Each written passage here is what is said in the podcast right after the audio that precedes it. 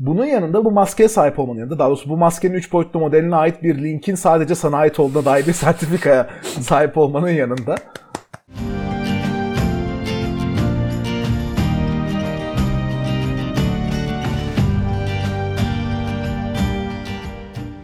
Ben Barış. Ben Zafer.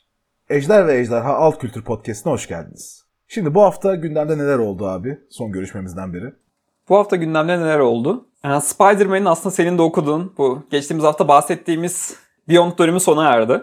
Evet Ben Riley ve Peter Parker'ın kapışması hikayesinden Evet. gidiyorlardı sanırım. Yani biraz daha spoilerlı bir şekilde bahsedecek olursak çizgi romandan. Çok da kötü oldu. Ya başta fikir hoşuma gitmişti. Ya şöyle bir önceki ran güzel başlamıştı. 75 sayı sürmüştü Nick Spencer'ın yazdığı ve son böyle sonlara doğru böyle çok karıştı.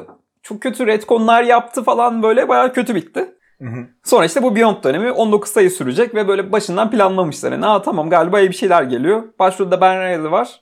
O zaman iyi Peter Parker biraz dinlenecek. Hani hikayenin sonunda da Evet. geri döner. Ama işte onları böyle gereksiz yere son anda dövüştürmek falan şey. Abi bunu işte 50 kere yaptınız zaten. Hadi bir kere daha yapalım. Hı.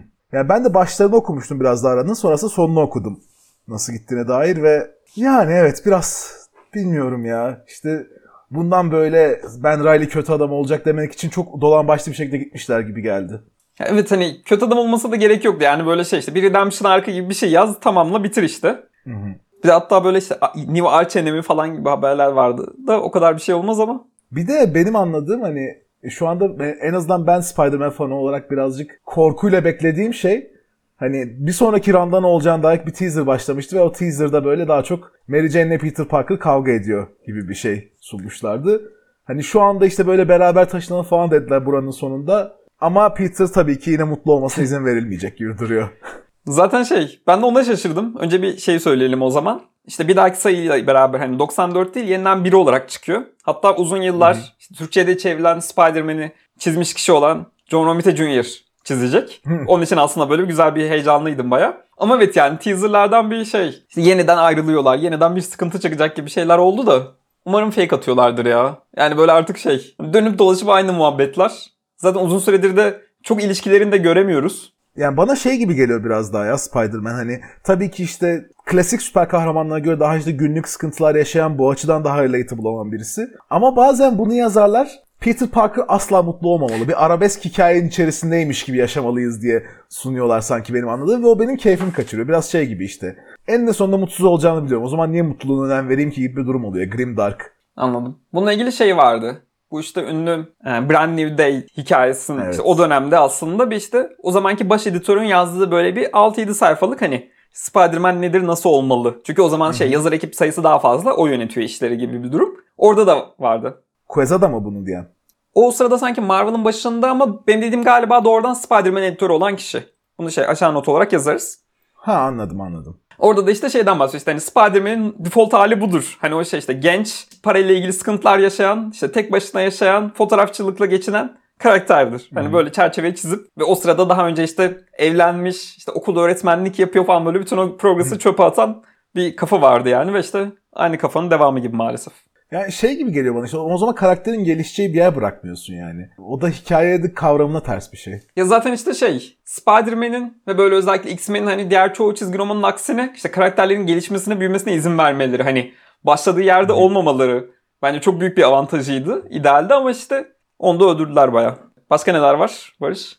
Onun dışında biraz daha çizgi roman dünyasına devam edecek olursak çizgi roman dünyasında yan bir konu olarak NFT meselesine girip böyle bir podcast'te öfke çekme riskimiz var ama korkarım Batman'in NFT'leri çıkıyor. Bundan birkaç ay önce zaten DC Comics şey diye duyurmuştu. Palm adlı bir platformla işbirliği içerisinde DC için NFT'lere girişeceğiz demişlerdi. O da daha çok hani şey muhabbeti. Palm açıklamak gerekirse şimdi çok olabildiğince basit bir şekilde açıklamaya çalışacağım çünkü çok karışık bir olay kripto muhabbetleri.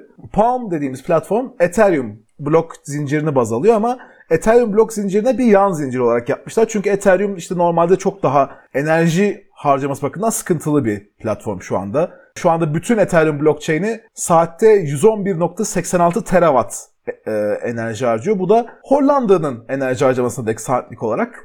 Ve, hani ve bu elektriği sağlayan karbon salınımı da yaklaşık bütün Belarus'un karbon salınımına denk. Yani Ethereum zinciri çok enerji olarak efficient bir zincir değil. Zaten web sitesine bakmıştım ben de. Projenin direkt şey işte. Neden Hı hı. işte bunu seçiyorsunuz işte çevre olarak daha çevreye daha duyarlı falan diye böyle biraz daha şey. Oradan da ekmek yemek diyeceğim hani. Öyle bir çabaları varmış Hı hı. gibi de hissettirdi. Palm'ın dediği şey de işte biz Ethereum'a yan bir zincir yapıyoruz. Hani Ether- e, o da şey oluyor biraz da hani Palm'a giriş çıkışlar yine Ethereum üzerinden ama Palm'ın kendisi daha e, enerji efficient bir şey. %99 daha efficient olduğunu iddia ediyorlar o şekilde. Dedikleri şey çevreye önem veren sanatçılar da NFT üzerinden para kazanabilirsin. Bu yüzden kurduk şeklinde bir açıklamaları var. Ve bunun ne kadar etkili olacağı tartışılabilir tabii ki. Ama DC'nin somut olarak yaptığı şey buna açılış olarak 26 Nisan'dan itibaren e, Batman maskeleri üzerinden bir satış başlatacaklar. 2 milyar kombinasyon üzerinden 200 bin tane Batcow, Batman maskesi 3 boyutlu modeli alınacak aslında baktığımızda. Genelde internette bunun gördüğüm birkaç farklı tepki versiyonu var. Bir, hani aslında çizgi romanlara sıfır ilgisi olan ama işte insanların kriptoya girmesini gi- isteyen insanlar o siz de geldiniz, hoş geldiniz falan modundalar daha çok. Onlar biraz daha investment gözüyle bakıyor. Hatta onlar beğenmemiş. Çünkü 200 bin tane birden olunca çok değerli olmaz. Hani çok ender olmaz. O zaman bunu böyle yapmasaydınız tarzına bakıyorlar. Benim mesela yer yer baktığım bazı işte NFT projeleri vardı. O da hatırlamakam işte 8 bin tane, 10 bin tane falan böyle o civarlarda olduğunu hatırlıyordum. Burada gerçekten çok fazla sayı. Bir de bunun ilginç yanı şöyle bir şey yapmışlar. Bu Batman maskelerine sahip olan kişiler tabii e, hangi maske sahip olduğunuz belli olmayan. Spesifik olarak işte atıyorum animated series tarzı bir maske istiyorum diyemiyorsunuz. Satın aldığınızda random bir tane belli ediyor. O da bence çok iyi bir seçenek değil aslında yani. Yani sahip olduğum Batman maskesini belirlemek isterdim ben şahsen. Buna uğraşıyorsam bu kadar. Herkesi rastgele düşsün sonrasın yani maksat şey işte belki bana çok değerli bir şey düşer. İşte Batman Beyond'da benzer bir şey Hmm. düştü. Şimdi bunu çok paraya satarım. Sonrasında trade'i döner. İkinci pazar yapmayı da planlıyor olabilirler bu şekilde. Evet o da doğru. Bunun yanında bu maskeye sahip olmanın yanında daha doğrusu bu maskenin 3 boyutlu modeline ait bir linkin sadece sana ait olduğuna dair bir sertifikaya sahip olmanın yanında bunun yanında bir de şey katıyorlar. NFT sahipleri gelecek DC fan etkinliklerinde bazı özel haklara sahip olabilecekmiş. Ve bir de söyledikleri şey bu NFT'ler yani en azından bu Batman maskeleri bir şekilde gelecek DC hikayelerinde de rol oynayacakmış. Nasıl oynayacağımı bilmiyorum ama birazcık zorlama bir sakatma gibi geldi bana ama.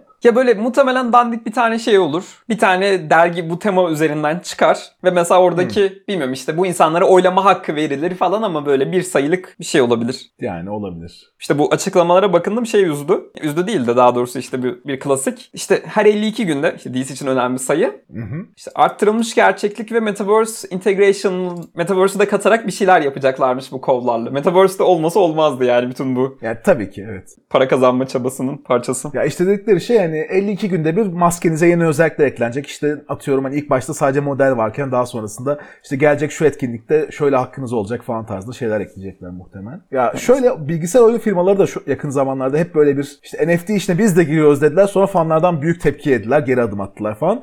Biraz şey gibi geliyor. Şirketin başındakiler finansal fırsatı gördükleri için girmek istiyorlar. Ancak fanlar bunu istemiyor. Bu işi nasıl yapan tasarımcılar, çizerler biraz ortada kalıyor gibi bir durum var benim gördüğüm. Ya bir de şey üzücü hani mesela bu tarz NFT'ler aslında çok da şey bir yaratıcılık içeren şeyler değil ya.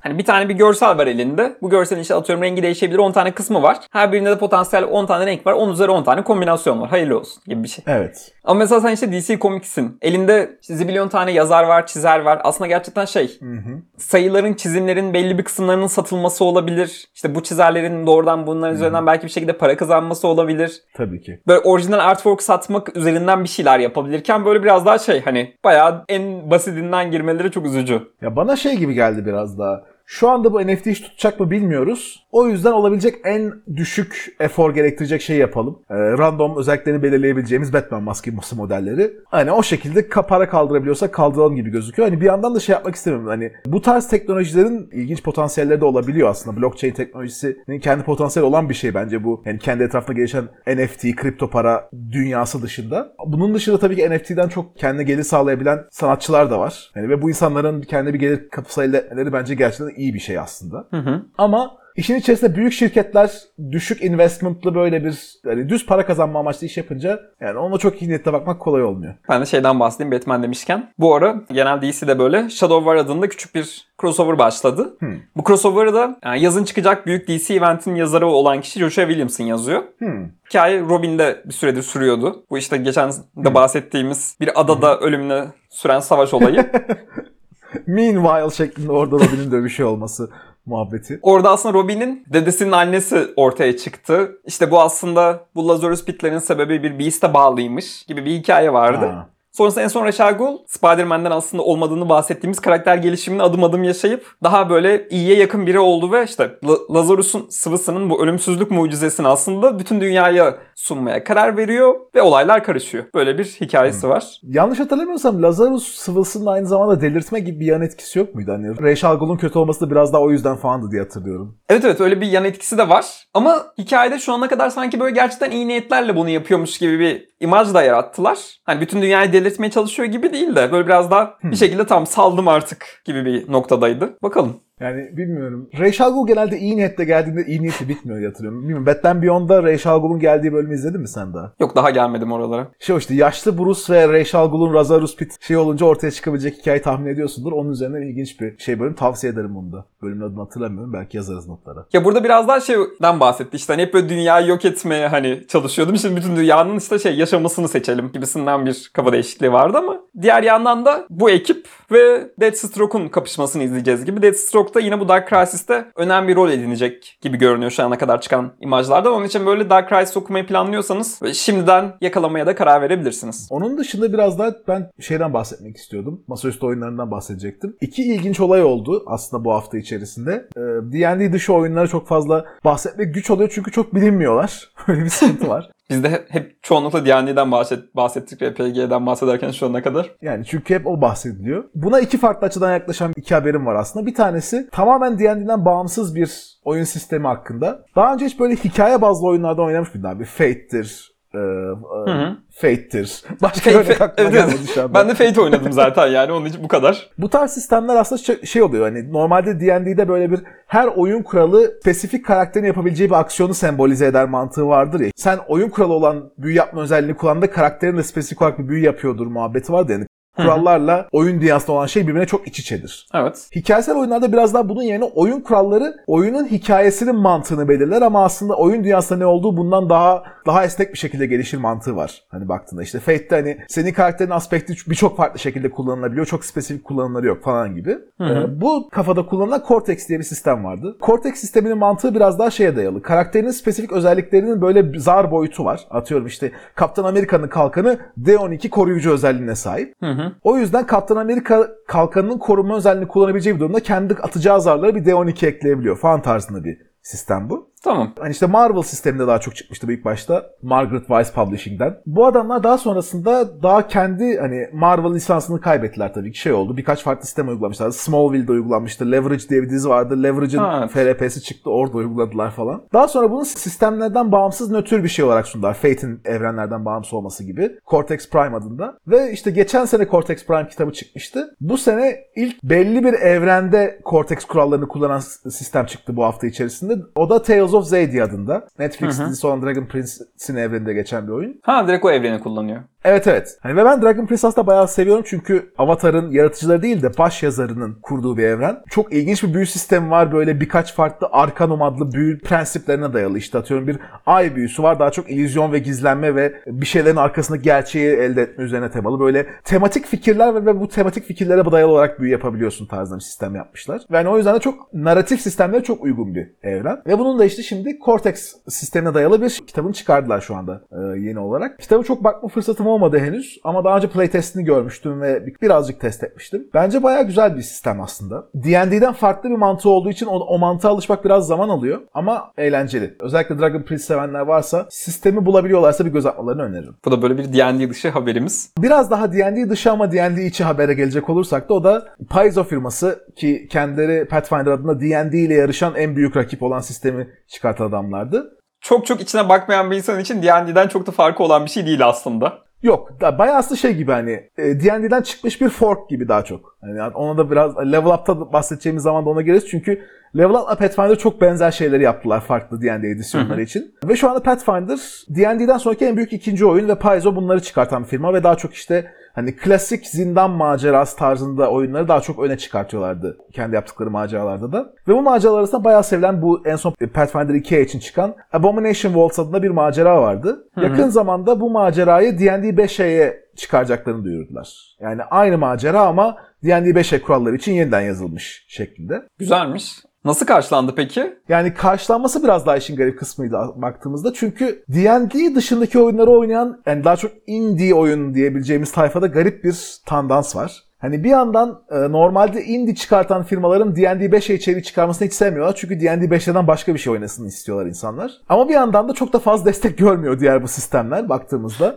Hani bunu birkaç ay önce şeyde yaşamıştık. Doktor Who'nun da kendi çok ilginç bir FRP sistemi var. Hatta orada şey yapıyor böyle. Kendi sisteminde inisiyatif atılacağı zaman aksiyonların sırasına göre gidiyorsun ve mesela hani Doktor Who'da her zaman konuşmak daha fazla yapılan şey olduğu için ilk konuşacak olanlar konuşuyor. Sonra işte daha böyle akrobasi, koşuşturma falan tarzı şeyler yapacak olanlar oluyor. En son saldıracak oradan saldırıyor tarzında bir sistem yapmışlar. Güzelmiş. Yani klasik Doktor Who bölümüne çok uygun bir şey. Ancak bunu yapan firma Cubicle 7 yanılmıyorsam yakın zamanda şey de duyurdular. Doctors and Daleks adında yeni bir D&D 5 şey bazlı doktoru sistemi de çıkartacağız kendi sistemimizin yanında dediler. Ve bunun üzerine indie çevrelerde inanılmaz bir tepki geldi. Vay siz indie Sa- mücadelesini sattınız işte D&D 5'den bağımsız sistem yapıyordunuz ne güzel. Niye D&D 5'e döndünüz? Para için neler yapılıyor falan. Ama bu insanların kaç tanesi doktoru sisteminin kendisine almıştır diye sorarsan bilemiyorum. Ya üzücü de bir durum gerçekten ama bir yandan da hak veriyorum o kızanlara ya şöyle. Daha doğrusu tam tersi insanları ben daha çok gördüğüm için. Çünkü mesela insanlar işte çoğu kişi D&D oynamaya başlıyor ilk olarak hani bir FRP oyunu olarak ve sonrasında her şeyi D&D ile oynamaya çalışıyor.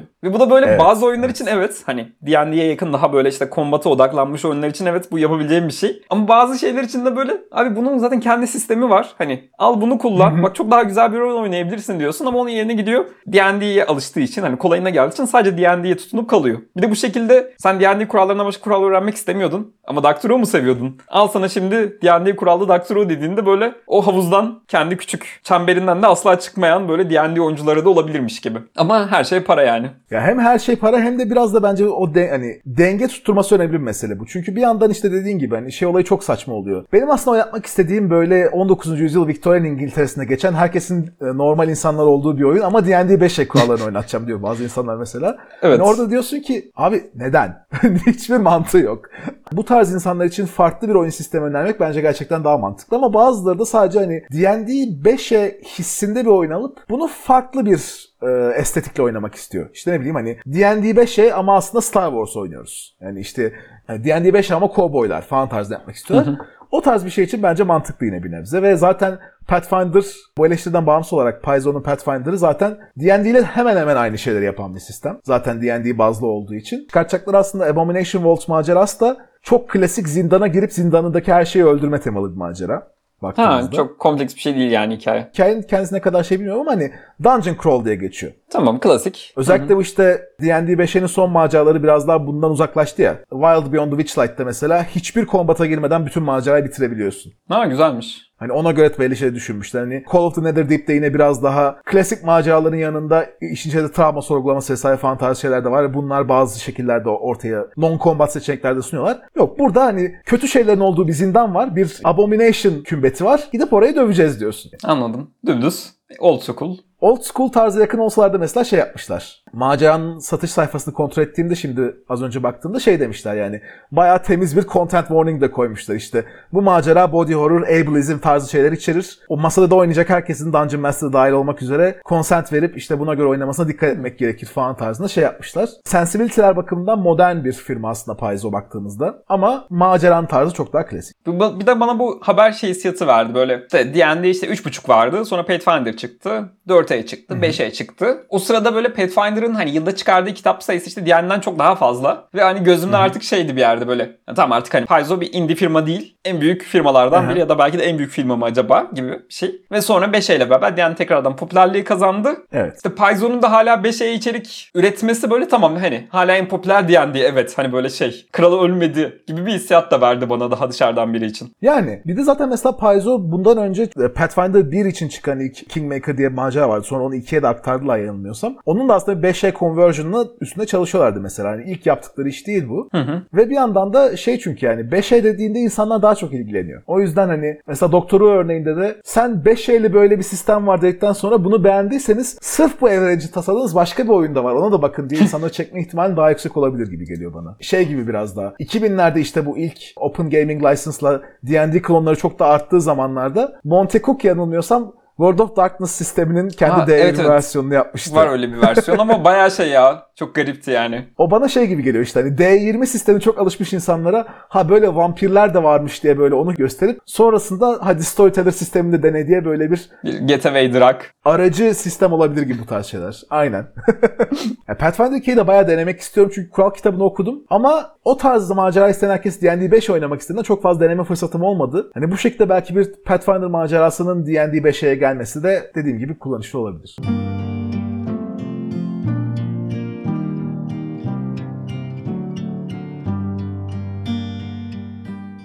O zaman bir Pathfinder gibi bir durum olan bir başka şeyden bahsedelim artık. Bu haftaki dosya konumuz olan. Şimdi bu kadar Pathfinder dedik. İşte D&D'nin klonları çıktı dedik. En yakın zamanda çıkan D&D klonlarından birinden bahsetmek istiyorum ve biraz daha benim için bu hiç kimsenin bilmediği çok iyi oyun modunda olduğundan biraz birilerine anlatmam lazım abi. Sen benim bu konudaki deneyim olacaksın eğer hazırsan. Evet. Level Up Advanced 5th Edition adında bir kitap çıktı. Kitabı çıkartanlar Enworld adında bir e, forum var. Hani 1999 yılında D&D 3 haberleri için kurulan bir forum başta bu. Ve hala öyle görünüyor.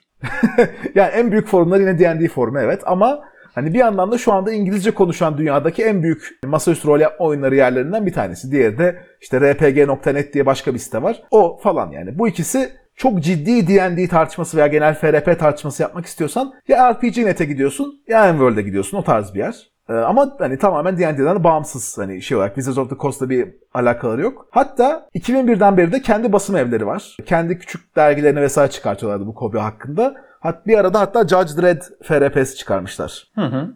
Ve bunun dışında geçen bölümde bahsettiğimiz Wisconsin'daki konvensiyonlardan üçüncüsü ve aslında en büyüğü olan ve 1960'lardan beri yapılan Gen Con diye bir etkinlik var. Kurucusunun Gary Gygax'ı olduğu ama hani Gary Gygax'ın anısına yapılan Gary Con'dan ayrı bir şey bu ve yazın yapılıyor. Ve Gen Con'la Enworld'un beraber çalıştığı en iyi adında bir masaüstü rol yapma oyun ödülleri programı da var. Evet hatırlıyorum onları. Bir anlamda FRP'nin Oscar'ları şey yapıyorlar işte en iyi bağımsız masaüstü rol yapma oyunu, en iyi macera falan tarzı şeyler çıkartıyorlar genelde. Bu firma bayağı bir şey. FRP dünyasıyla içi dışlı bir firma. Ve bu adamlar 2020 yılında Level Up adında bir proje duyurdular. Ve kendilerinin yapmak istediği şey de işte hani internetteki bu D&D 5 sistemini iyi bilen ve bu sistemin biraz daha gelişebileceği farklı yönler konusunda çalışmak isteyen insanları toplayıp kendi 5 sistemlerini yapmak. Ve bu ilk yapılan bir şey değil. Daha önce D&D 3.5 zamanında çok yaşanmıştı bu. İşte Pathfinder en basit örneği olarak. O da şeyle alakalı. Şimdi D&D bir anlamda peçeteyle Selpak'ın adının bir arada olması gibi hani D&D ile FRP'de bir arada olan bir şey. Çünkü çok büyük. Ve 2000'li yıllarda işte TSR'dan Wizards of the Coast'a geçtiği zamanlarda D&D Wizards of the Coast şeyi fark ediyor aslında. Biz bu D&D telifini çok sıkı bir şekilde koruyup insanların fan ürünleri yapmasına izin vermeme gibi bir yönden gidersek bu biraz daha sektörün gelişimini bastıracak bir şey. Çünkü herkes başta şey yapıyor işte kendi D&D oyununu oynatıyor. Sonra oyununda farklı şeyler denemek istiyor. Bunun üzerine kurallar geliştirmeye başlıyor. İnsanlar ufak ufak oyun tasarımcısı oluyor. Ciddi ciddi bu sektöre atılmaya başlıyor. Bir sürü insan var. Türkiye'deki atıyorum Düş Diyarları, Meddahları da muhtemelen çok benzer bir yoldan gittiler. Hı hı. Hani o yüzden fan yapımlarını desteklemenin bir yolunu bulalım diye 2000 yılında Open Gaming License diye bir şey çıkarttılar ve dediler ki biz D&D'nin temel kurallarını tamamen serbest kullanım için açıyoruz. Bu lisans dokümanına ek- eklediğiniz sürece Armor Class'tır, HP'dir, Wizard'dır, Fighter'dır bunları kullanabilirsiniz. Sadece işte hani bizim e, Illithid'lerimiz var, işte Beholder'larımız var, Displacer Beast'lerimiz var, Tenser'in uçan diski var. Bu tarz hani D&D'nin marka ismiyle özleşmiş şeyleri kullanmayın ama geri kalanını kullanın diye bir e, sistem referans dokümanı çıkardı bu insanlar. Ya bunun varlığını ilk duyduğumdan beri çok şaşırıyorum gerçekten. Yani böyle hani firma olarak o kadar ne bileyim büyüksün ve rahat bir noktadasın ki asıl yaptığı şeyi hani tamam siz de bunu kullanabilirsiniz diye çevreye sunuyorsun. Bir noktada tabii pastanın büyümesi, piyasanın büyümesi de sana yarayacak ama yine de böyle gerçekten şey. İyi ki yapmışlar yani böyle bir hareket. Ya gerçekten çok iyi bir hareketti. Hatta çok spesifik Wizards of the Coast'tan çalışan bir adamın yaptığı bir iş bu. Şu an adını hatırlayamıyorum. O böyle bir şey yapalım demiş. Ve hani kendisi sağ olsun gerçekten hani bir anda masaüstü rol yapma oyunları sektörünün yüzünü değiştirdi. Ve hani bu şekilde işte D&D 3.5 altında bir sürü D&D 3.5 ekleme sınıf yapan oldu. Ama aynı zamanda bunu kötüye kullananlar da oldu. Ben şey olduğunu hatırlıyorum işte hani. Hiçbir isim D&D ismi kullanmadan temel masaüstü rol yapma oyunu kural kitabı diye sistem referans dokümanını kitaplaştırıp çıkartan bazı firmalarda vardı Okey çirkinmiş o da. yandan yemişi falan şeklinde. Hiçbir kendileri bir şey eklemeyip. Hani bunlar da oluyordu. Hani bu şekilde indie piyasasını büyüten bir şeydi. Hala D&D çatısı altında kalsa da. Ancak D&D 3.5'tan sonra Wizards of the Coast bambaşka bir yöne gitmeye karar verdi D&D için 4E'de. Ve bu bambaşka yön hiç sevilmedi.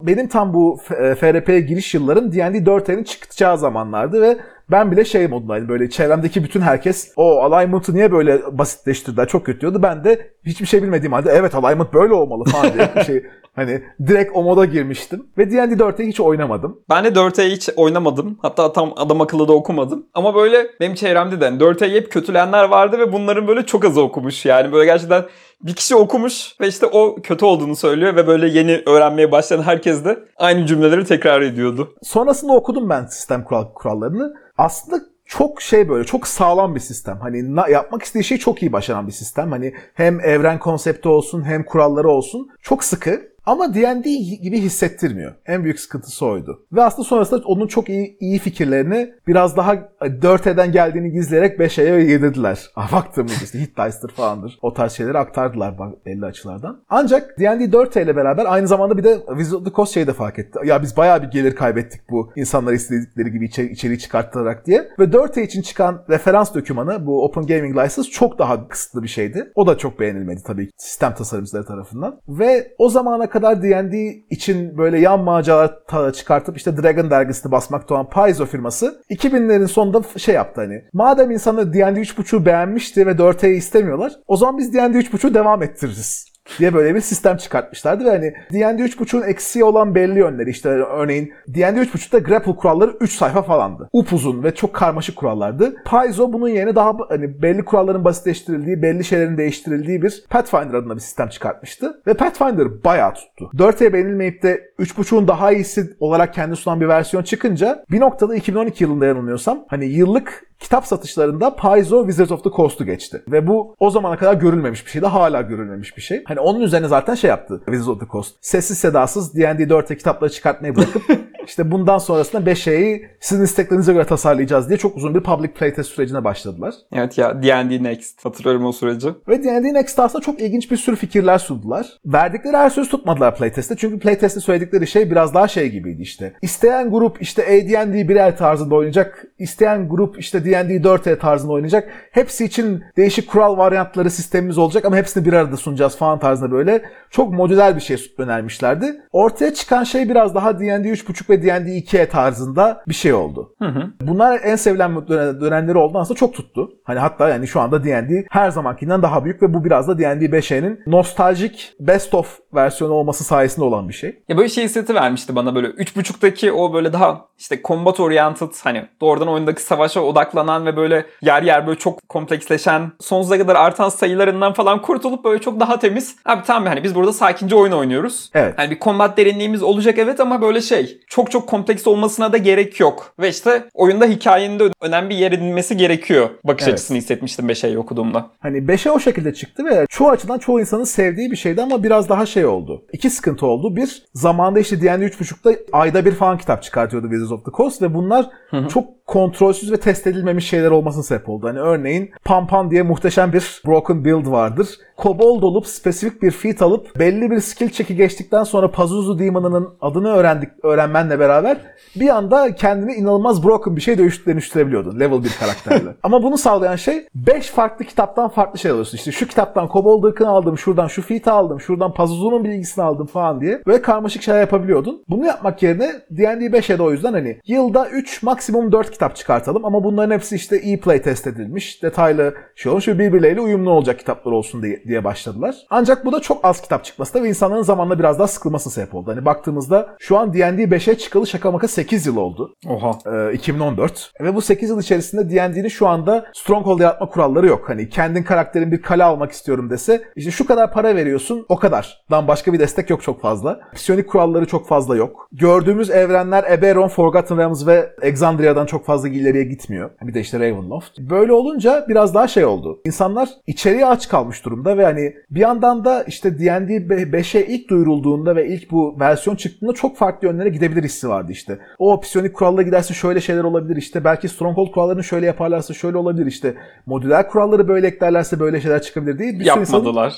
gidecek şeyler vardı evet yapmadılar. Ve o beklentiler birazcık artık insanların bıkmasına sebep oldu ve dahası bundan birkaç yıl önce aslında D&D 5'e adı konmadan yapmasa da tasarım felsefesini bayağı bir değiştirdi. Hani bunun bir örneği şey mesela eski canavarlarda işte eski büyü yapabilen canavarlarda şu anda işte 2014'te çıkan Monster Manual'daki Lich'e baktığında sana o karakterin yapabileceği bütün büyülerin listesini veriyor. Ama bütün, sen bütün bu büyülerin açıklamasını ayrıca Player's Handbook'tan bulup okuman gerekiyor. Stat bloğu kısa tutmak için büyülerin detaylarını yazmamışlar. Tamam. Ama işte her biri normal büyü şeklinde işliyor. Biraz daha DM için e, külfet oluyor hani onun özelliklerini araştırmak falan. Ancak Wild Beyond the Witchlight'tan itibaren biraz daha bu canavarların, büyü yapan canavarların stat bloklarını değiştirdiler ve şey eklediler daha çok. Karakterin imza birkaç büyüsü varsa bunlar klasik büyülerin biraz daha ekstra bir şeyler eklenmiş versiyonları. O canavarı biraz daha ilginç yapmak için. İşte Fireball atıyorsa işte bir büyücü onun attığı Fireball biraz daha e, ekstra özelliği oluyor. İşte yaktıktan sonra kalıcı bir yanma, yanma da bırakıyor falan tarzı şeyler eklemişler. Güzelmiş bu. Ve şey oluyor tabii ki. Hani büyünün açıklaması da artık e, yeni bir özellik olduğu için stat blokta yazıyor. O yüzden referans yapmak daha kolay. Yine işte belli birkaç büyüye referans verilmiyor ama onlar da biraz daha combat dışında çıkacak. Hani bu karakter aynı zamanda gerekirse teleport atabilir, şunu yapabilir tarzında şeyler. Hani onlara zaten bakabilirsin. O çok sıkıntı olmaz o yüzden baktığında. Hani o şekilde yapmışlar biraz daha ama şu, bir yandan da bununla beraber şey dediler. Ha bu arada bu karakterlerin bu yeni imza büyüleri büyü olarak yazmadığı için kurallarda artık counter spelllenmeyecek. Aa. Ee, Wizard'ları çok sevdiği büyülerden biri olan counter spell büyüsü gizli bir nerf yemiş oldu. Tasarım felsefesi değiştiği için. Peki bu canavarlar şey mi? Biraz daha böyle boss seviyesinde hani seyrek yo, karşılaşılabilecek güçlü şeyler mi? Ha. Bayağı ka- daha common. büyü yapabilen bütün canavarların büyülerini bu şekilde değiştirdiler. Atıyorum işte hani normalde karşıda çıkacak işte klerik karakterinin bu karakter Guiding Bolt bilir diye yazıyorsa bundan böyle işte Searing Bolt diye yeni bir özelliği var ve bu Searing Bolt şöyle özelliklere sahip diye geçiyor. Okey. Hani bu şekilde değişikliklere gittiler ve hani bu aslında şey oldu biraz. Hani 2014'teki tasarım felsefesini seven insanlar haliyle biraz soğudular sistemden. Ben kendi adıma 2014'teki tasarım felsefesini daha çok seviyordum. Yani belli yönlerden gelişebilirdi tabii ki. Ama şu anda gittikleri yön benim, benim çok hoşuma gitmedi. Ve böyle olunca da işte 2020'de bu Enworld ekibinin yaptığı level up sistemi şey gibi oldu. Zamanında nasıl Pathfinder D&D 4'in gittiği yönü beğenmeyip kendi D&D 3.5'un gelişme yönünü yaptıysa biz de D&D 5'in şu anda gittiği yön yerine farklı bir şey yapacağız dediler. Ama bunu yaptıkları şey kesinlikle şey değil. Bu hani Wizards of the Coast'un sosyal konularda gittiği yola tepki olarak çıkmış reaksiyonel bir sistem değil. Tam tersine hatta belli konularda çok daha dikkatliler. Ee, en büyük ayrımlardan bir tanesi örneğin hani şu anda hala D&D 5'e race, ırk kelimesi kullanıyor şey dediler artık ırkların kültürel özelliği olmayacak dediler ve aslında biraz da kendilerini kısıtladılar bence. Yani örneğin kültürel traitlerle ilginç bir şey, hikaye imkanı varken karakterin özelliklerinde artık o özelliği kaldırdılar kendilerinden. Kimseyi kültürel olarak sınırlamayalım demek için. Bunun yerine mesela Level Up şey yaptı. Her karakterin işte ırkı yerine bir e, heritage'ı var. Heritage işte o karakterin hani kendi kökeni işte hani anne babası elf olan birisinin elf heritage'ı oluyor. İşte e, karışık heritage seçenekleri falan da var. Bunlar sana biraz daha supernatural şeyler veriyor. Da işte hani karanlıkta görme tarzında şeyler veriyor. Bir de karakterin kültürünü seçiyorsun. Ve hani bunlar klasik klasik fantazi kültürleri de olabilir. İşte bir e, Wood Elf kültürü var.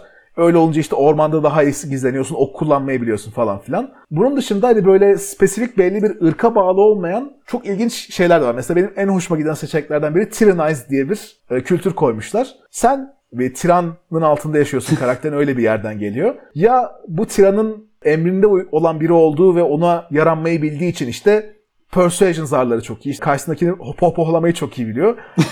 Yalakacılık. Ya da işte e, kendisinin gerçek düşüncelerini sak- saklamayı çok iyi bildiği için deception zarında proficiency'si var falan tarzda şeyler eklemişler. Yani bu çok ilginç bir konsept bence mesela. Ve bunu bunu D&D 5'e de şu an tasarımda yapamazsın. Evet ben de kitabı biraz karıştırdım. Ve işte şey şaşırdım gerçekten. Tamam işte race yerine heritage demişler okey. Ha geri kalan şeyleri culture'ya ayırmışlar. Culture'ı açınca gerçekten tek beklentim şeydi hani işte klasik ırk listesi neyse aynısında culture'da olmasını beklemiştim ama çok daha çeşitli olması gerçekten şey. Tamam biz bir feature değiştirdik ama bunun artık bir yeni bir Aynen, özellik aynen. olduğunu fark edip buradan da yeni ve potansiyel hikayeler çıkabilir diye üzerine oynadık hani. O güzel olmuş gerçekten. Yani ve onun dışında tabii ki işte D&D'de hani şu anda ırkla alakalı en büyük tartışmalardan biri işte ability score bonuslar ırklardan gelmeli mi? Bu gelirse ırkçı olur mu? Bütün orklar kuvvetli olmak zorunda mı muhabbeti var. Bu, bu tartışmayı da tamamen etrafından dolanmak için ability score bonusunu heritage'ından veya culture'dan almıyorsun, background'ından alıyorsun. Zaten bir an Heritage'i okurken acaba background'ı Heritage'in içine mi yedirmişler dedim. Sonrasında evet aa background'da duruyormuş yerinde. Evet evet. Senin karakterin bir diktatör altında yaşamış bir elf tüccar olursa işte tüccar olduğu için karizması daha yüksek olabilir insanlarla şey, işte muhabbeti iyi olduğundan. Ama aynı zamanda işte e, kendi fikirlerini iyi saklayabilen deception'ı yüksektir. Ama aynı zamanda elf olduğu için işte işte 700 yıl yaşıyordur falan tarzında değişik kombinasyonlar yaratabiliyorsun. Bu tarz şeylere dikkat etmişler. Onun dışında irili ufaklı sensitivity değişiklikleri de var. Yani baktığımızda bu Pathfinder'ın da yaptığı bir şeydi yakın zamanda. E, Lich'lerin flaktal kelimesinin nereden geldiğini biliyor musun? Bugün çok Lich örneği vereceğim. Çok oradan hazırlandım. Ha. İşte flask gibi bir şey canlanıyor bende aslında böyle. Ya da şey ha flaktal acaba ya da parçalanmaktan mı geliyor? E, antik Yunanca bir kelime ama aslında onu antik Yunanca kelime anlattığı şey Yahudi kültüründe tefilim denen bir hani bizim muska tarzında bir e, dua kutusu varmış. Hani işte onun etrafına böyle yazılmış duaları sarıyorsun. O kutu kutuyu o şekilde koyuyorsun. Böyle bir şey üzerine dayalıymış aslında. Yani filakter kavramı. Hı hı. Biraz daha işte kültürel duyarlılık vesaire insan, işlerine önem veren insanlar biraz daha şey dediler yakın zamanlarda. Pathfinder'da da oldu bu. Kötü büyücü tropunu kullanan bir e, düşman için işte semitik bir koruma eşyası var demek birazcık sıkıntılı olabilir dediler. Oha. ya o da çok şey olmuş yani böyle o zaman mesela golemi de golem kelimesini de kaldıralım. Golem kelimesini de değiştirdiler abi. Onun yerine de Guardian diyor level up mesela. Yani biraz bu tarz şeye dikkat etmişler. Dikkat etme olayı şey hissettiriyor bana hani böyle doğrudan evet bir ırkçı bir işte hissiyat varsa evet böyle şeylere dikkat etmek güzel bir şey ama sanki dünyada sadece bazı işte etnik kökenlere, ırklara karşı ırkçılık yapılıyormuş gibi bir noktaya da çekiliyor ya bunlar. Ve şey işte öyle bir gönderme yoksa da öyle bir göndermenin olabilme ihtimalini böyle bir işte birilerinin overthink edip onları düşünmesi bile zaten yer yer bana ekstradan bir ırkçılık da hissettiriyor. Ben o, o açıdan biraz da hani kendim ilk gördüğümde tepkim şeydi. Yani filakteri biraz biraz daha zorlama bir şey benzetme değil mi bu biraz daha diye, bak, diye bakmıştım olaya. Ama bir yandan da işte bu N-Word'daki yorumları okudum bu konu hakkında. Hani işte hem Pathfinder'ın hem Level Up'ın yaptığı Hı-hı. değişiklikle ilgili. Bir sürü şey diyen de var. İşte ben Yahudi bir masaüstü rol yapma oyun oyuncusuyum ve hani aslında bu tarz bir stereotipin kaldırılması hoşuma gitti. Çünkü bazen gerçekten işte bunun üzerine işte çevredeki köyü mahveden kötü Yahudi stereotipine benzer bir şey mi diye düşünüp bazen rahatsız oluyordum falan diyor bazı bazıları hmm. mesela. Hani ilginçmiş. Türkiye'de bu o kadar olan bir stereotip değil ama hani işte Avrupa'da antisemitizm çok farklı ve çok aslında kültürün içine işlemiş belli stereotiplere sahip işte. Köyün pınarını zehirlemeye gelen Yahudiler falan tarzında mesela çok spesifik stereotipler var. Anladım. Öyle olunca aslında belli şeylerin fark edilmeme ihtimali var ve bir yandan da baktığında hani filakter yerine soul vessel demek çok da bir şey değiştirmiyor. Ya da en kötü kendi oyununda yine filakter demeye devam edebilirsin. Ama sadece resmi kuralların refer etme şekli biraz daha culturally neutral olmuş. Anladım. Ya sadece şey hissiyatı yani böyle ya bu da insanları böyle işte oradaki yorumlardan olmadan önce yani en azından şey hani böyle bir hissiyat veriyor mudur ya bu çünkü çok küçük bir şey yani böyle hani ona şey demek gibi işte dualar böyle bir sarılır konulur ya mesela. Bir kelime daha vardı. Muska'ya benzer bir kelime. Hani çok spesifik bir kelime ve işte bunun doğrudan insanın aklına gelmeyeceğini düşünürdüm ama gerçekten böyle bir bildikleri bir kelime ise de okey anlaşılabilir. Bir de şey dikkatimi evet. çekti. Yine bu konuda bir dikkat ya da böyle çok vurgulama isteği. Bu işte heritage'larda yani önerilen culture'lar var ya her sayfada. Hı-hı. Orada sürekli şey demişler işte hani klasik önerilen işte bu heritage'e uygun olarak birebir uyacak culture var. While Hı-hı. you can choose any. Her evet. sayfada tekrar bir şekilde bakın herhangi birini seçebilirsiniz. Karakterin elf heritage'ı varsa illa elf kültüründen olmak zorunda değil muhabbetine şeye girmişler. Ve nasıl biraz daha şey hani baktığımızda bu fantezinin çok temelinde olan bir şey. Çünkü Aragorn human bir karakter ama elf kültüründe büyüyor. Bunu level up 5'e de yansıtabilirsin ama D&D'de yansıtmak biraz daha sıkıntılı oluyor mesela. Bu tarz şeyler o yüzden sunmak bence fena bir detay değil ama dediğin gibi hani biraz daha sınırlarının ne olacağı falan tartışılabilir şeyler bunlar. Biraz daha bu kültürel yönlerden bağımsız olarak e, oyunun genelinde aslında bir sürü değişiklik de yapmışlar. Şeyden bahsetmiştik işte D&D 3.5'ta böyle işte bir nokta sonra zarlara gelen bonusun hani 20'lik zar atıyorsun ama bonusun artı 68 falan tarzında muhabbetler Hı-hı. olabiliyordu. Bunu azaltmak adına D&D 5'e Bounded Accuracy diye bir sisteme girmiş. O da şey demek yani. Senin bir zara alacağın bonus işte eksi 1 ile atıyorum artı 10 arasında falan olacak demek. Hani ve bu şekilde senin hani armor class'ın zırhın işte 22 falan geçmeyecek ne olursa olsun. Hani böylece düşük level bir ork bile sayıları çoksa hala bir sıkıntı oluşturabiliyor. Böyle hani işte level 5 ork, level 10 ork, level 20 ork falan diye kasmana gerek kalmıyor aynı canavarı farklı, farklı, kullanmak için ve biraz daha şey oluyor yani. Naruto başta işte e, bir tane Rasengan yapıcı büyük oydu sonra 10 bin tane Rasengan attı tarzında böyle power creep muhabbetlerinde önüne geçiyor biraz daha bu sisteme girdiğinde. Hani sayılar abartı büyümüyor. Ve işte oyuncuların her zaman böyle tetikte kalmasına da yarayabiliyor biliyor yani Tabii bu ki. sistem. Evet evet yani bir yandan da hani level 20 oldun demek hani bir 200 tane orkla bir aynı anda savaşabilirsin demek olmuyor bir anlamda. Gerçi yine olabiliyor da o ayrı bir mesele. buraya şey Dirist bin ork kitabını koyuyoruz buraya. evet. Ee, ya da 15 kişiye saldırdım. 15 kişiye saldırdım. Vurdum vurdum saymadım. Ee, onun dışında bu Bounded Accuracy kıran tek bir şey vardı. O da e, Expertise sistemi. Rogue'ların olduğu bir şey. Yani o da şey yapıyor işte. Normalde senin karakterinin bir konuda yetkin olduğunu aldığı bir bonus var. Ve hani bu bonusun 2 ile 6 arasında olacağı varsayılmış. Ama Rogue'lar işlerinde çok iyi olduğunu göstermek adına bu bonusu 2'ye katlıyorlar. Rogue'lar ve Bard'lar. Hani böyle Hı hı. olduğu için de birisiyle konuşulması lazım. Karşınızdaki çok çetin gözüküyor. İkna edebilir misiniz emin değilsin diyorsun. Sonra Bard geliyor. Abi ben şimdi at- zarımı atıyorum. Zaten benim sınıf özelliğinden dolayı zarım ondan düşük gelemiyor. İşte 15 geldi. Artı 17'de bonusum var. 32 attım. Ne oldu falan diye şey yapıyor. DM kafasına vurarak ikna ediyorsun şu anda bu adamın soyunup sana silahlarını vermeye falan tarzında durumlar yaşıyor hani. Anladım. Gelip oyunu kırabiliyor yer yer. Evet. Hani expertise bunu yapabiliyor. Bu arada şey soracağım. Expertise dışında bu her klasın belli bir level'da aldığı proficiency bonus sabit ya. 5'e Evet. çıktığında en azından hepsinin aynıydı. Sonrasında hiç değişti mi bu? Yoksa onlar hep böyle sabit bir şekilde devam etti? Proficiency bonus sabit kaldı. Daha fazla expertise, yani expertise alabileceğin feat'ler geldi. İşte e, ekstra bonuslarla biraz daha bazen işte ga- kendine guidance veriyorsun. Expertise'in var, bardic inspiration'ın var. Var bir sürü şeyler bunlar birbirine karışabiliyor. Hı hı.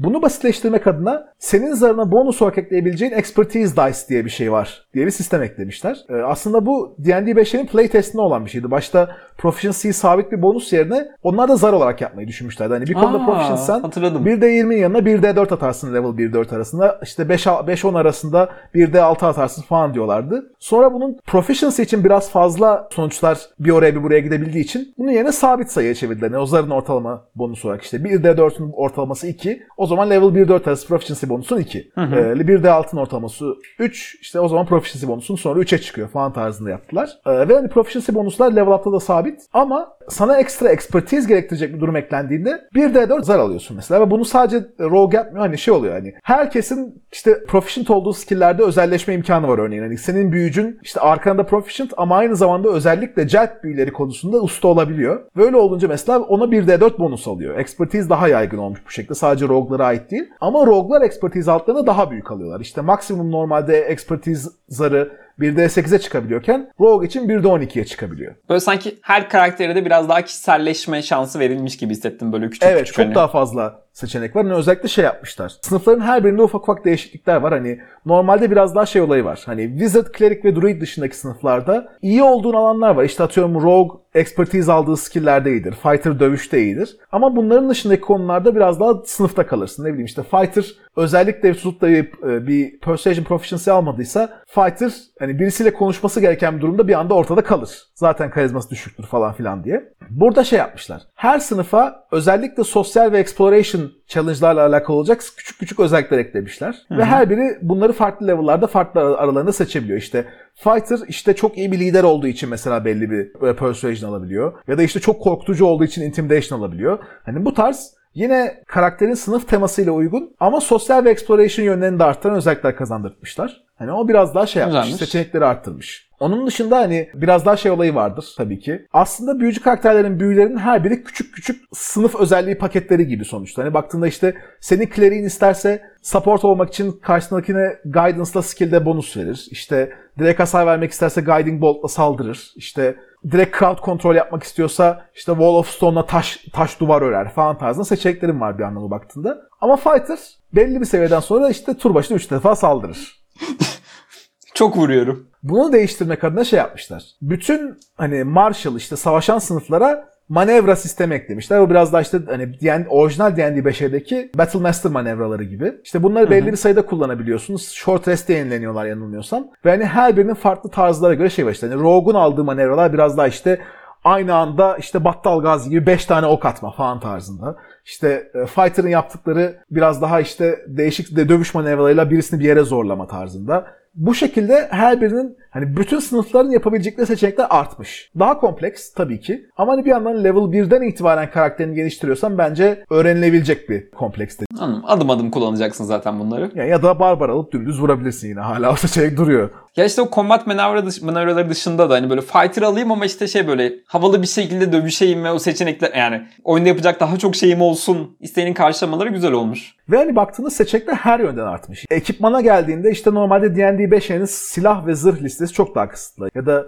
bir zehir almak istiyorsan alabileceğin standart bir zehir var. Geri kalan şeyler Dungeon Master's Guide'da ve DM'ler zehirler hakkında çok detaylı kuralları olmadığı için onları da pek kullandırmak istemiyor mesela. Ben, ben de çok sıkıntı yaşadım bu açıdan. Ama Level Up'ta direkt oyuncu kitabında şey yapmışlar. Değişik şifalı bitkiler, değişik işte e, zehir çeşitleri kimisi stunlıyor, kimisi kör ediyor falan tarzında. İşte değişik maceracı eşyaları, farklı, daha farklı silah çeşitleri, zırhların yapabileceğin upgrade'ler her konuda seçenek artmış. D&D 3.5'taki sayfalarca giden işte Glaive, Gizan bilmem ne farklı, 3 farklı polar tarzında şeyler değil de yine de bir daha fazla seçenek var. Zaten kitaba baktım. Şu an evet 660 sayfa gibi bir şey ve işte bu sadece Player's Handbook yani. Ne var bu kadar da nasıl da bu kadar büyümüş hani işte D&D'ye göre dedim. Şu anda D&D 5'in bir büyük sıkıntılarından bir tanesi de hani normal kitapta yazan hazine verme tandansına göre hazine verdiğinde yaklaşık level 7-8'den itibaren oyuncuların para harcayacağı yerler bitiyor. Fighter kendine zaten plate armor almış oluyor. İşte büyücü ve wizardlar da kendi büyü- büyülerini aktarıyor falan filan ama işte hani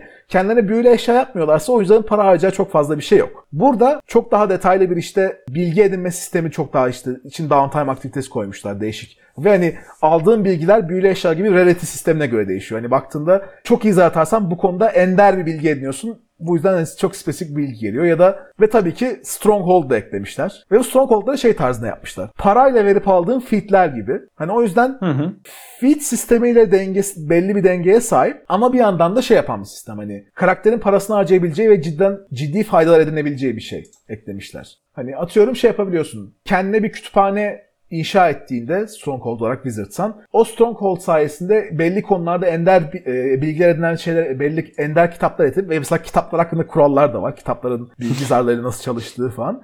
Kurallar hakkında da kurallar. O ender bilgi sayesinde belli zararda bonus alabiliyorsun. Şey olabiliyor atıyorum hani belli düşmanı araştırmamız lazım. Düşman biliç ne yapacağını bilmiyoruz. O zaman işte e, Wizard ha dur bir ben kütüphane, kütüphaneme gidip bunu araştırayım dediğinde buna belli bir bonus alıyor ve biraz daha bu şekilde kendi özelliklerini kullanabiliyor. Bir de fit demişken sinerji fitlerini gördüm. Ha onlar şey biraz daha. Feed sistemini D&D 5'e çok bariz iyi olan ve öyle olduğu için de hani birazcık nerflenmesi gereken belli feedler var. Onları Hı hı. onları biraz daha nerflemişler. Bir de şey multi-class sistemini biraz daha ilginç tutmak adına iki farklı sınıftan gidiyorsan o iki sınıfın özelliklerini birbirine arttıran birkaç feat eklemişler. Atıyorum işte varsayılan D&D 5'e hani hem ben kılıç kullanayım hem de bir yandan e, büyü yapayım demek istiyorsan ya Eldritch Knight olacaksın ya da Blade Singer olacaksın. Bu ikisi de hani Fi- Wizard ve Fighter subclassları. Ama Hı hı. burada şey yapmışlar. Level Up'ta şey eklemişler. Dediğim gibi sinerji featleri var. İşte 3 level Wizard aldım, 3 level Fighter aldım. Ondan sonra Blade Chanter diye bir feat alıyorum ve bununla beraber Blade Singer'ımsı özellikler geliyor bana. İki Anladım. sınıfın da progression'dan bir parça alabiliyorsun bu şekilde. Anlamsız multiclass'ları çok sevmeyen birisiyim. Hani işte e, benim karakterimin hikaye olarak hiçbir açıklaması yok ama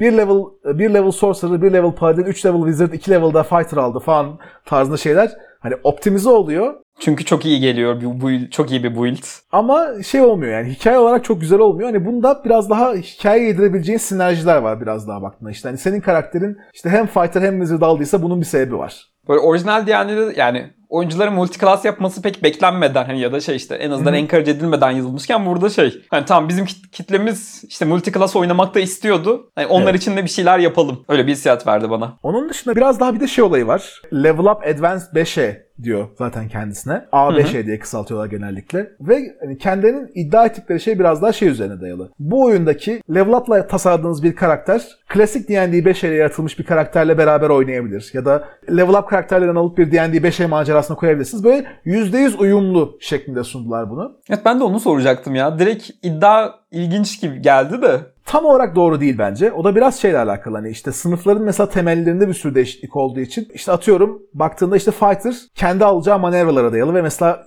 kendi seçtiği arketipler subclasslarda bu manevraları destekleyen ekstra yeni özellikler ekliyor. Ya da işte exploration ve sosyal al- alakalı kazandığı yeni, yeni yetenekleri geliştiriyor. O yüzden sen Advanced 5'e e, fighter'ını alıp ona böyle klasik 5'e bir arketip eklersen karakterin belli açılardan biraz geri kalıyor gibi. Ya mesela elimizdeki halihazırdaki hazır 5'e adventure'larını alıp rahat rahat level up'la da Ha, kullanabilirim gibi hissediyorum işte. Asıl sanki işe yarayacağı nokta oymuş gibi geliyor bana. Hani daha çok şey gerçekten. Advanced 5'in DM için eklediği kurallar çok daha klasik 5E maceralarıyla uyumlu. İki farklı sistemden karakterler teoride muhtemelen yan yana durabilir gibi geliyor ama biraz daha şey. Hani Advanced 5E karakterleri daha güçlü kalacaktır. Özellikle hani combat dışında yapabilecekleri özellikler bakımından daha farklı işliyorlar. Ama DM tarafında çok güzel değişiklikler var ve onların uyumlu olması güzel aslında baktığımızda. İşte DM kitabı Trials and Treasures baktığında direkt Session 0 nasıl yapılmalı, oyunda çıkan klasik sıkıntılar, oyuncunun dikkatini dağılması, işte kendi beklediğin gibi gitmemesi bunlar nasıl çözülür, işte problem oyuncularla nasıl uğraşılır, farklı oyuncu türleri nelerdir ve onların dikkatini nasıl toparlayabilirsin tarzında çok güzel tavsiyeler vermişler. Bence yeni DM'ler için çok faydalı bilgiler bunlar. Kapsamlıymış. O açıdan çok hoşuma gitti. Onun dışında şey yapmışlar. Oyunun canavarları genellikle çok dengeli değil 5'e baktığımızda veya biraz daha sıkıcılar. Genellikle zorluklarını şeyden sağlıyorlar. Çok fazla canı var. Çok büyük bir hit point torbası. Ölmüyor. İşte o esnada belli miktar hasar veriyor. Yani biraz daha o yüzden kombatlar sıkıcılaşmaya başladı. Özellikle hani 5-6 yıldır D&D 5 oynattığımdan ben kendi adıma artık kombatların tek düze geldiğini hissetmeye başladım. Hı hı. Ama e, Level Up'taki bu canavarların hepsi çok daha değişik şekilleri almışlar. Hani ekstra özellikler eklemişler. Hani normalde düz saldırı olan şeylere ekstra küçük bir twist eklenmiş falan tarzında şey olmuş. Mesela şey vardı. Ankeg diye bir canavar vardır. İşte böceğimsi dev e, böyle fıçı fıçı kız kaşları olan bir yaratık olarak. Hani Ankekler klasik 5'de işte asit fırlatıyor. Yerin altından kazıp gidebiliyor. Bu tarz bir özelliği var. Ama Advanced 5'e ankegleri bunun dışında eğer saldırdığı kişiyi öldürürse kafasını direkt kopartıyor. Böyle bir özellik eklemişler mesela. Ve Okey. e, Nihat selam dinliyorsan. Nihat'ın şu anda oynattığı oyunla alakalı şey yapmıştı işte e, bir canavar oynatmam lazım ne yapayım demişti. İşte anlattığı durum ankeglere uygun gibiydi ama istersen bir e, Advanced 5'edeki ankeglere bak onlar daha güzeldir demiştim. Ve gerçekten şey olmuş yani daha çok daha heyecanlı bir savaş olmuş ve hani oyunculardan bir tanesinin kafasını kopabileceği bir durum yaşanmış falan böyle o gerilimi hissedilmiş. O şekilde daha pozitif şeyler eklemişler ve hani mesela onun dışında şeyden bahsetmiştim. 5E'nin şu andaki tasarımı daha farklı bir yöne gidiyor. Advanced 5E'nin gittiği yön bence daha tutarlı olmuş. Yine Lich örneğini verecek olursam işte hani D&D 5E'nin Lich'inde bütün büyüler listelenmiş halde ve sen gidip e, Player's Handbook'tan okuyacak durumdayken burada şey yapıyor. Lich'in değişik özellikleri var. İşte kendine bonus action'la 3 farklı kalkandan birini veriyor ve verdiği kalkana göre o, e, Lich'e yaklaşım şeklinin değişmesi gerekiyor işte. Ya fizikseller saldıracak ya büyücüler saldıracak falan tarzında. Bu tarz bir strateji modu eklemişler. Ve onun dışında Lich'in yapabildiği bütün saldırı büyülerini tek tek stat blokta listelemişler. Öyle olunca Lich stat bloğu bütün sayfayı kaplıyor evet ama Ama ne yapman gerektiğini de biliyorsun. Hani sadece o stat bloğu olarak Lich oynatabiliyorsun örneğin. anladım. O direkt sayfa bir sayfaya çıktın al. PDF'ini Aynen. Her şeyin var orada. Ve yine bunlar büyü sayıldığı için counter spellleyebiliyorsun da mesela. O da bir avantaj. Bir de şey gördüm. SRD çıkarmışlar galiba bunlarda. Evet. Yani yasal mı bu falan gibisinden garipsedim aslında yani böyle hani o hani D&D'den alıp kuralları kullanıp aynı şekilde böyle hatta şey Open Game lisansları da mı galiba yani kendilerine evet. de böyle bir şey çıkarmış herhalde. Bir o sürece bahseder misin o süreçten? Tabii. Ee, hatta on- ondan biraz daha şeyde bahsedecektim. Şu anda Türkiye'de olarak biz bu kuralları nasıl alabiliriz sorusuna baktığımızda biraz sıkıntıya giriyoruz. Çünkü şu anda bu sistem İngiltere'den çıkan sistem. Enworld, and Publishing İngiltere'de bir firma. Her kural kitabı 20 pound'a satılıyor. O yüzden hani bütün sistemi almak 60 pound gibi bir fiyata ulaşıyor. Çok uygun değil Türkiye için. Ancak dediğin gibi N Publishing aynı zamanda oyunun kurallarını nasıl D&D kendi sistemini Open Gaming License'la çıkarttıysa N Publishing de kendi sistemini Open Gaming License üzerinden çıkartmış. Hani demişler ki bizim bu çıkarttığımız sistemi e, aynı şekilde siz de kullanabilirsiniz. Eklediğimiz Expertise Dice'dır, Prestige sistemidir, işte Stronghold kurallarıdır ve kontrol ettim. Eğer gözümden kaçan bir şey yoksa Adventurer's Guide, Trials and Treasures, Monsters Menagerie 3 kitaptaki bütün canavarlar ve bütün seçenekler gerçekten eklenmiş. Ha güzelmiş. Hani Pathfinder da aynı şey yapmıştı bu arada. Hani SRD evet D&D SRD'sine bağlılar ve hani D&D lisansı üzerinden çıkartıyorlar. Ama kendi ekledikleri kısımlar için de ayrıca bir lisans çıkartabiliyorlar ve onu kullanmışlar zaten yaptıklarında. O lisans içerisinde işte Pathfinder da şey yapıyordu. İşte d20pfsrd.com diye bir site vardır hatta. Bütün Pathfinder kuralları orada durur. Bu legal bir şey çünkü hani Pathfinder kendi kurallarının o şekilde bedavaya referans edilmesine izin veriyor. Enworld da aynısını yapmış. Şu anda onlar bir referans sitesi çıkarmadılar ama SRD dokümanlarını direkt indirebiliyorsun. Hı hı. Eğer level up denemek isteyen varsa direkt SRD dokümanlarını indirip bakmalarını tavsiye ederim. Yok illa bu adamları destekleyeceğim ama 20 pound da gözüm cebimden çıkmasını istiyorum diyorsanız da Steam üzerinden şöyle biraz daha bir seçenek var. Ee, Fantasy Grounds sanal masaüstü platformu olarak içerisinden belli kitapların add-on olarak alınabildiği bir yer. Fantasy Grounds'unuz varsa yoksa da 61 lira gibi bir şey tutuyor onun fiyatı. Kitapların her birini 50 liraya alabiliyorsunuz Steam üzerinden. Ve ardından Fantasy Grounds üzerinden açıp kitabı okuma gibi bir şey mümkün oluyor. 2,5 pound falan.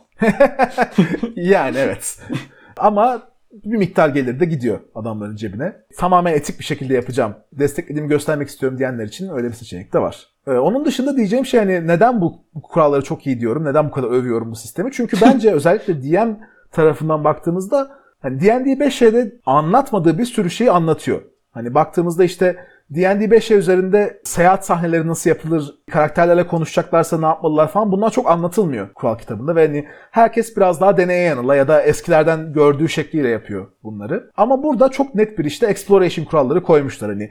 Her exploration'da karşı çıkabilecek farklı encounter çeşitleri var ve bunları aklına gelebilecek her türlü biyom, her türlü mekan için yapmışlar. İşte karakterlerin cehennemin ortasından mı geçiyor? Ama bunu level 1'de mi yapıyorlar? Level 1 için cehennem encounter'ları listesi var. Level 15 civarında bir ormandan mı geçiyorlar? Level 15 bir ormanda karşılarına çıkabilecek şeylerin listesi var. Seyahat kuralları çok daha detaylandırılmış. İşte kaç günlük erzak gerekir? Karakterler ne zarlar yaparsın, ne neyle karşılaşırlar falan tarzında. Hani çok daha detaylı yapmışlar onları. Hani o açıdan D&D 5 oynatan insanlar için bile oyunun arka planında kendilerinin kullanacağı kuralları level up kurallarıyla değiştirmelerini öneririm ben. Ee, kesinlikle bir sponsorluk almadık. E, M-World'e hiçbir alakam yok. Orada bir üyeliğim olması dışında. Çok beğendiğim bir sistem olduğu için ve daha yeni çıkan ve çok bilinen bir şey olmadığı için çok övesim de geliyor aynı zamanda. Ve mesela şey yaptılar. Çok az içerik çıktı D&D 5'e. M-World aslında o çıkmayan şeyler yapmaya başladı. Daha işte Kasım ayında çıktı kitaplar resmi olarak. Mart ayında kendi Artificer'larını çıkardılar. Hani D&D 5'e de bir 3-4 yıl beklemek gerekmişti Artificer'ın gelmesi için. Psiyonik kuralları hala doğru düzgün yok şu anda. Ama şu anda Psiyon e, sınıfını playtest ediyorlar mesela level up için. Yakında bir daha bilim kurgu e, seçeneklerinin olduğu kitaplar var. Psiyonik kurallar da çıkacak mesela level up için. Yani çok hızlı bir şekilde D&D 5'e insanların görmek istediği ama göremediği Stronghold'dur, Psiyon'dur tarzı kuralları yavaş yavaş çıkartıyorlar. Ya ben bu bunu ilk duyduğumda şey beklemiştim biraz da aslında böyle 5'e ek bir kitap gibisinden canlanmıştı. Hani böyle şey Advanced 5'e gibi bir vurgu olduğu için hani hani hazırdaki 5'e kitapları var. Yanında supplementary ek olarak bunu kullanacağım ha. ve ikisini beraber oynatacağım. Onun için Hı-hı. bir anda bu 600 sayfa görünce şey tam adamlar sıfırdan her şeyle yeni bir sistem yazmışlar. evet, evet. Sıfırdan böyle bir şey girmek için evet ama hani hazırda oynatan birinin böyle bunu okuyup aradaki farkları görmek falan ya böyle bunun yani şey daha kısa ve işte aradaki farklara odaklanan bir versiyonla sanki güzel olabilirmiş gibi hissettim. Evet yani biraz onun bence marketing sıkıntısı var o açıdan hani çok fazla 5'e ile %100 uyumluluk yönüne parmak basmışlar ama aslında öyle değil. Hani işte Monsters Menage'daki canavarları alıp şu andaki D&D 5'e uygulamalı oynatabilirsin. Bunu ben yapıyorum zaten. Hı hı. Hani ya da işte arka plandaki kuralları değiştirebilirsin. Ama aslında %100 aynı oyun değil. Hani işte expertise zarıdır, prestijdir, çok farklı mekanikler eklemişler. Onların dikkate almak şey oluyor, zaman alıyor. Ama D&D 5'e campaign'in bitti. Bundan sonra daha farklı sistemleri ikna etmeye çalışacağım insanları diyen birisi mesela bence Level Up'ta oynatmayı öner önermeli. Ya da işte sıfırdan şu anda başlayacağım. 5'e yerine level up'ta başlayın derdim ben insanlar. Hatta ha. yani küçük bir duyuru olarak da bu önümüzdeki hafta sonu düzenlenecek Hacettepe Convention Hukon'da ben bir level up masası açacağım mesela orada insanlara denetmek için sistemi. Ha güzel. Evet. Reklam açısından da benim hissettiğimde şey oldu. İşte kitaba baktım. Hani mizampajı falan gayet güzel. Hani D&D'den de farklı böyle kendine az güzel bir tasarımı var bütün kitabın. İşte renklerin de yine hani bir işte kitap boyunca uyumu var. Ama şey çizimler çok uyumsuz. Evet. Çizimler çok amatör kalmış. Evet belli bir çizim tarzı gelir ya. Hani şeyden bahsetmiyorum Hı-hı. yani. Çok yüksek kalite olması değil ama hani bunun arasında bir uyumun olması. D&D'nin mesela işte evet. 2E'si de 3E'si de 5E'si de her biri farklı ama her biri kendi içinde çok uyumluyken bu böyle çok şey. Çok amatör dur- duruyor onların yanında. Evet. Yine bir amatörlük var. Ee, daha çok muhtemelen kime komisyon yaptırabildilerse onlarla yaptılar. Özellikle görselliğe kitapta önem verenler için bu bir sıkıntı olabilir kesinlikle. Ama kendi adıma D&D 5 ayının Pathfinder olabilecek bir sistem bu. D&D 6 için ne vaat ediyor bilmiyorum ama kendi adıma bundan sonrası M-World'un ve M-Publishing'in çıkarttığı şeylerde gözüm üstlerinde olacak. Onu söyleyebilirim. Benim diyeceğim bu kadar yani abi bu dosya konusu hakkında. Tamam, teşekkürler Barış. Ejder ve Ejderha Alt Kültür Podcast'ini dinlediniz. Bir sıkıntı evet. çıkmadığı takdirde önümüzdeki hafta tekrardan görüşmek üzere. Görüşmek üzere.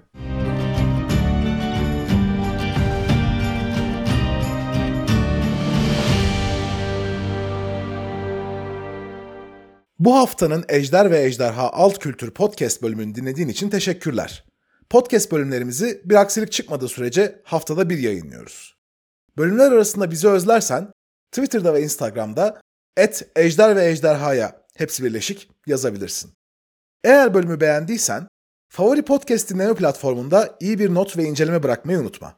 Bu bölümde konuştuğumuz konular hakkında detaylı bilgileri podcast notları bölümünde bulabilirsin. Haftaya görüşmek üzere.